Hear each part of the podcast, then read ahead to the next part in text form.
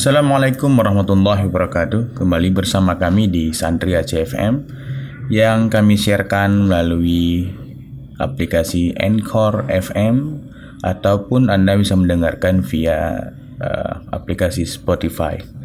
Kedua aplikasi tersebut bisa anda, anda dapatkan di Google Play ataupun lebih dikenal dengan Play Store di smartphone terbaik Anda.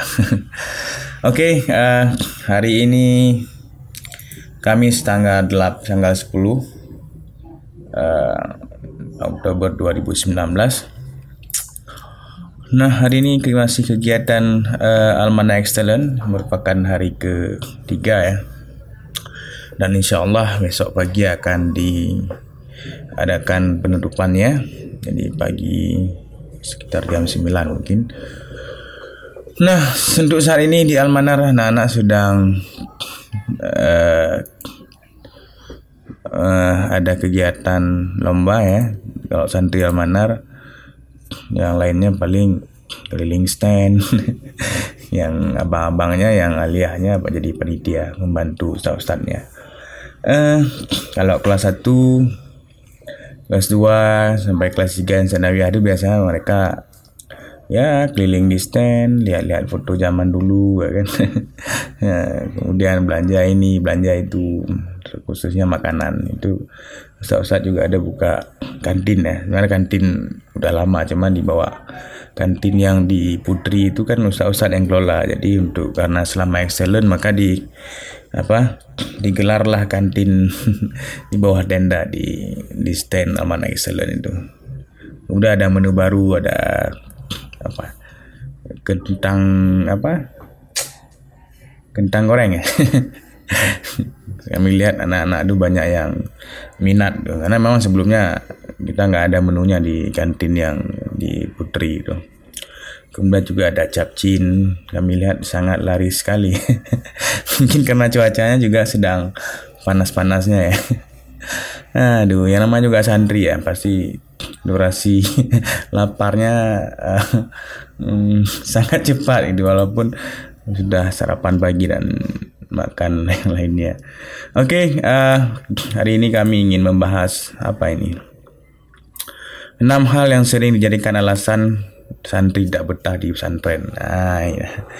Sebelumnya kami juga sudah menulisnya di blog hikayatsantri.com. Nah, jadi enam hal ini yang sering kami ya yang berdasarkan pengalaman yang kami terima lah, yang kami lihat, yang kami rasakan di selama kami santri, selama kami menghadapi keluhan oleh santri dan segala macam. Uh, sebenarnya mungkin selain enam hal ini juga ada yang lain faktor lain, tapi ini yang yang berdasarkan uh, pengalaman kami sendiri ya, yang kami rangkum, kami tulis di di blog. Itu sudah kami publikasikan ya sejak dua tahun yang lalu lah di blog www.hikayatsantri.com. Nah, nah apa saja yang keenam hal tersebut? Ini juga kami rangkum dari bukunya Akbar Zainuddin. Nah, Akbar Zainuddin ini seorang motivator, alumni Gontor. Beliau menulis buku ketika sukses berawal dari pesantren. Nah, ada enam hal yang beliau sebutkan di situ dan sudah kami saring sendiri juga dan kemudian baru kami tuliskan. Nah, yang pertama ada terlalu banyak kegiatan. Nah, pesantren memang sangat ini ya khususnya modern ya kayak Almanar ini. Ada banyak kegiatan ekstranya. Bahkan anak-anak itu kalau kami sering mengatakan kepada santri itu ilmu itu lebih banyak di luar kelas ketimbang dalam kelas. Nah, istilahnya kegiatan informal lebih banyak dapat ilmunya, khususnya ilmu ilmu kehidupan, ya kan? nah, eh, ini memang menjadi salah satu uh, alasan santri tidak betah karena dia mengeluh. Uh, ya, mak, ini. Pak bunda ini kami capek lelah adik capek kan kalau kelas satu biasa gitulah kalau lelah mana ada panggil adik lagi uh, penuh kegiatannya banyak banyak kegiatannya ya kegiatannya mulai bangun tidur hingga tidur lagi ya. dan semua kegiatan itu sudah diatur ya. Kalau di pesantren ada kegiatan harian kegiatan mingguan dan ada juga kegiatan bulanan dan tahunan. Itu semua sudah diatur. Maka bagi bapak ibu yang ingin memasukkan anak ke pesantren sebaiknya terlebih dahulu diperhatikan hal ini maksudnya. Kadang terutama khususnya lagi mengenai kesehatan anak-anak. Ya, karena kadang kegiatannya di ini ya dari matahari panas-panasan ya kan. Jadi harus kuat mentalnya harus kuat kesehatannya juga harus ini harus stabil ya harus makanya kadang sebelum masuk pesantren itu syaratnya itu harus ada surat keterangan sakit ah keterangan sehat maksudnya maaf maksud kami surat keterangan sehat. Ya makanya kalau dibuat diminta surat itu maka harus diperiksa kesehatan anak. Jangan nanti ya walaupun sudah menjadi rahasia umum lah. Keluar surat itu mungkin bisa kita urus dengan ini. Walaupun kesehatannya mungkin nggak terlalu ini. Tapi ini penting harus diingat bapak ibu yang ingin memasukkan anaknya ke pesantren. Jangan sampai nanti lagi kegiatan dia pingsan ya kan? Karena kegiatan pesantren ya banyak sekali full ya. Banyak juga boarding school Nah, yang kedua ada makanan yang tidak cocok. Memang kalau urusan perutnya agak susah sedikit ini. Ya, nggak cocok di lidah, nggak enak rasanya. Itu kadang jadi masalah juga bagi karena memang di pesantren itu nggak ya nama juga baru ini ya apa istilah shock culture ya. ya apa berbeda di rumah enak-enak misal misalnya di rumah ya sering masakan apa merasakan masakan yang sudah biasa di lidahnya lah enak ya kan? Masakan ibu itu kan masakan paling enak di dunia ya kan? Mengalahkan masakan restoran. Nah ketika dia masuk pesantren dia pasti akan terasa beda sekali. Kok nggak nggak sama di kayak di rumah. Nah ini bisanya bisa jadi pemicu juga santri tidak pernah di pesantren. Nah pesantren sendiri memang uh, mengatur menunya seperti itu. Jadi ada enaknya. Sebenarnya apa nggak enak ya kurang enak saja. Ya kalau nggak enak pun kita nggak bisa nggak ya, jangankan anak-anak saat pun nggak mau makan gitu kalau nggak enak. Bukan tidak enak kurang enak. Jadi diaturnya itu memang karena ikan asin nanti ada ayamnya. Jadi menunya itu ya bermacam-macam. Diatur sedemikian rupa makanya harus dikasih tahu ke anaknya. Jangan nanti dibilang oh adik masuk pesantren makanannya enak-enak. Jangan bukan itu yang pertama disampaikan. Karena memang dia harus dikasih tahu yang tidak enaknya dulu ya. Eh, bersakit-sakit dahulu bersenang-senang kemudian. Nah, kemudian yang ketiga, teman tidak cocok. Teman yang tidak cocok. Nah, namanya juga pesantren ya datang apa uh, santrinya itu beragam beragam karakter.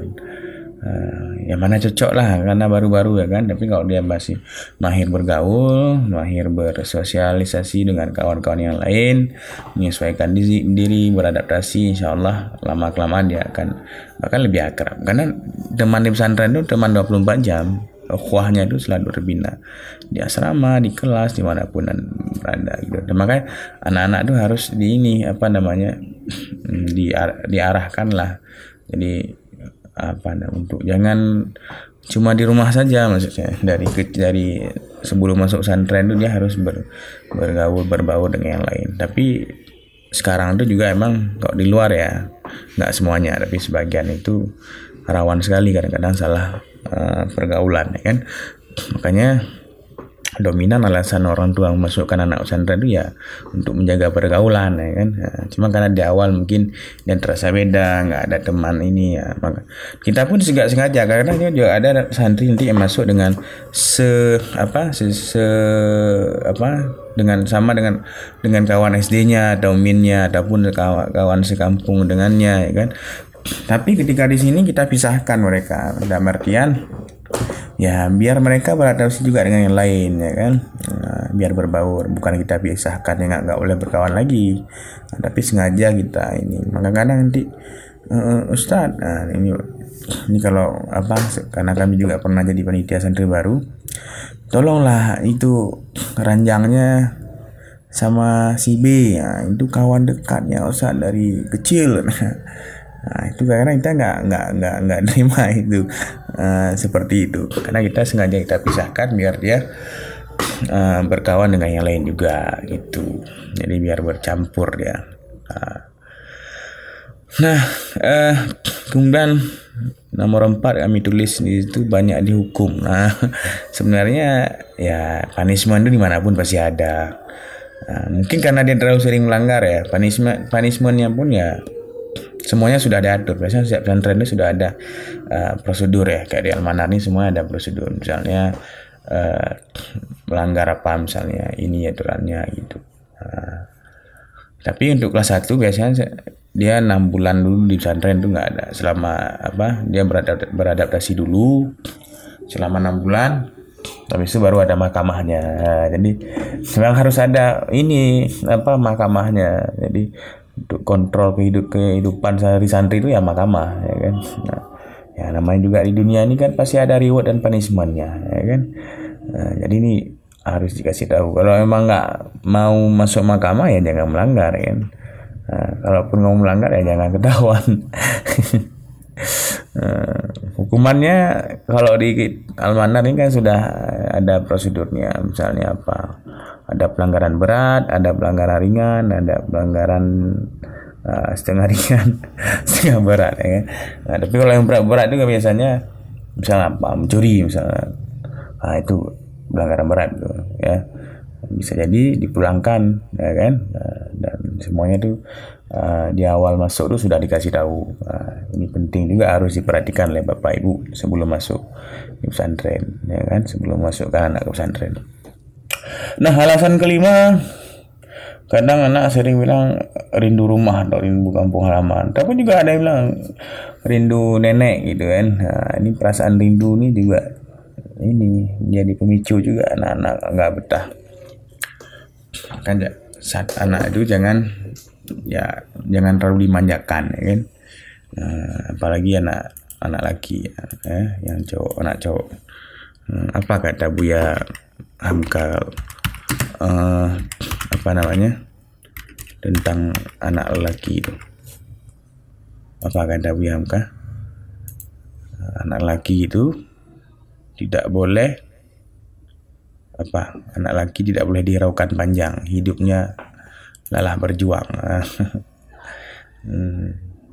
jadi kalau perahunya telah ya kayu ke tengah ya tidak boleh bersurut pulang meskipun bagaimana besar gelombang biarkan kemudian patah biarlah layar robek itu lebih mulia daripada membalik haluan pulang. Itu kata Buya Hamka. Ya jadi anak laki itu memang dia harus kuat ya harus mental mentalnya harus kuat pantang menyerah jangan dimanjakan bahaya kalau anak laki dimanjakan nah, karena dia akan menjadi tulang punggung keluarganya nanti. Aduh kemudian nomor enam itu ada pelajarannya susah. Ya, susah. Pelajarannya susah di kelas. Nah, biasanya kan pesantren kan banyak pelajaran hafalan.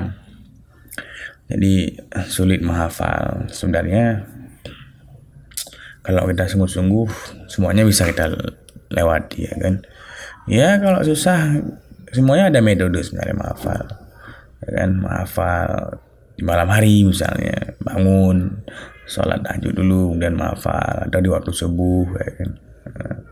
Semuanya memang yang men, yang yang membuat kita betah atau tidak ya kemauan kita sendiri sebenarnya. Makanya kami selalu kasih tahu ke orang tua itu jangan pernah memaksa anak masuk pesantren. Dalam artian ya kadang-kadang dengan karakter anak sekarang memang harus kita paksa tapi kan lebih baik, baiknya kita memahamkan dia dulu terlebih dahulu memberi masukan kemudian uh, ya bawalah dia sekali ke mengunjungi pesantren itu untuk melihat lingkungan pesantren.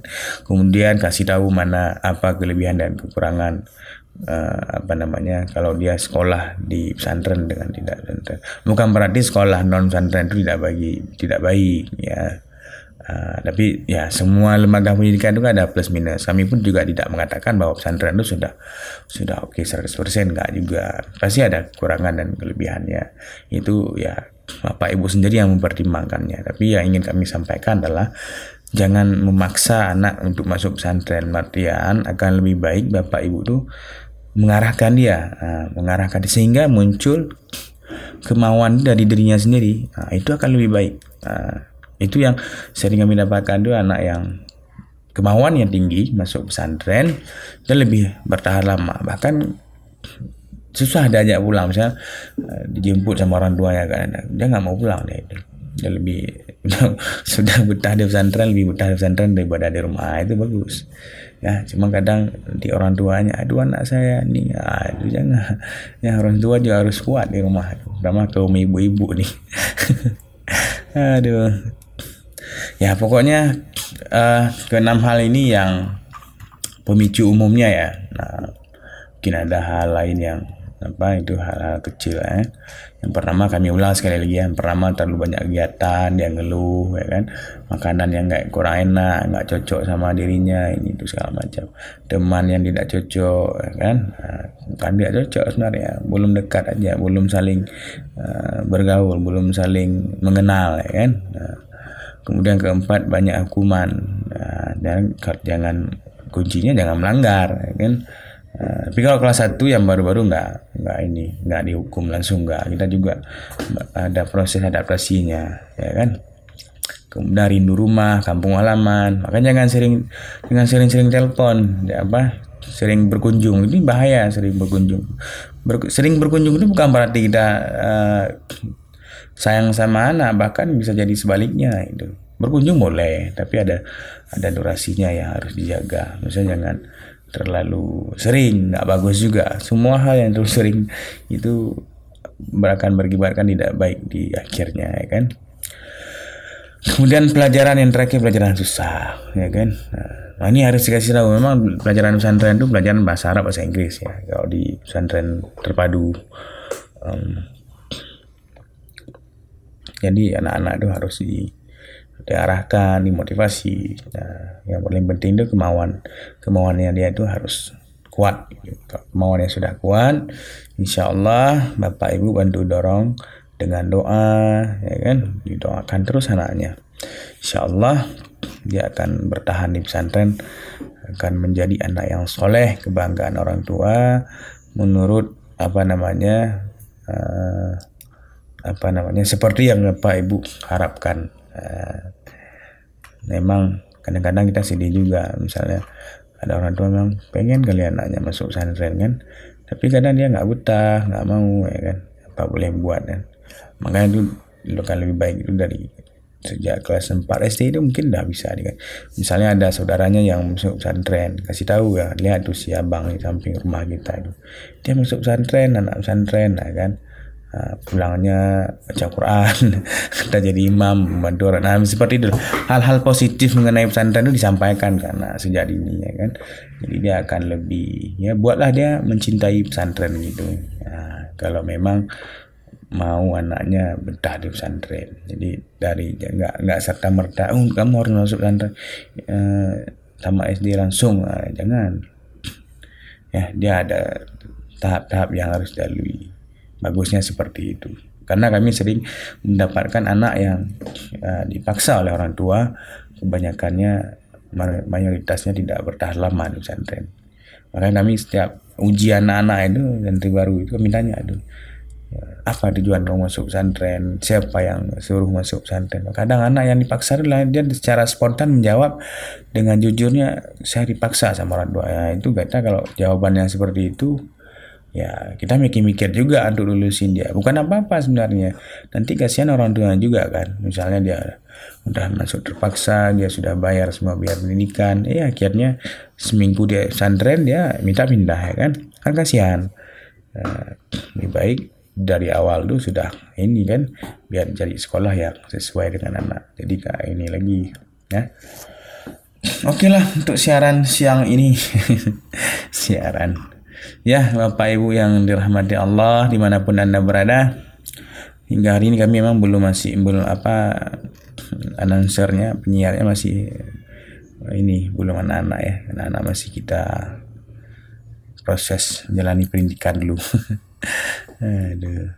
Ya, bagi Bapak Ibu yang ingin mendengarkan uh, siaran audio broadcasting ini, bisa Bapak Ibu download aplikasi Encore. Ketik aja Encore di Google uh, Play atau di Play Store, coba sih keluar langsung install.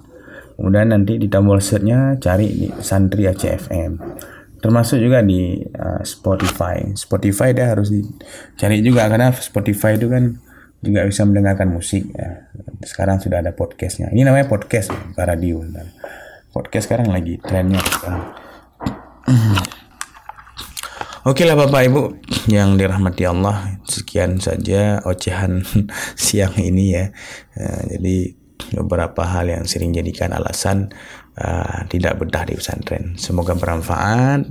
Jika ada masukan boleh di komen ya, ataupun kirim di DM Instagram ini juga boleh ataupun mau request juga boleh. Ustaz tolong bahas masalah ini juga. Nah, itu bisa juga. Oke cukup sekian. Wabillahi taufiq walhidayah assalamualaikum warahmatullahi wabarakatuh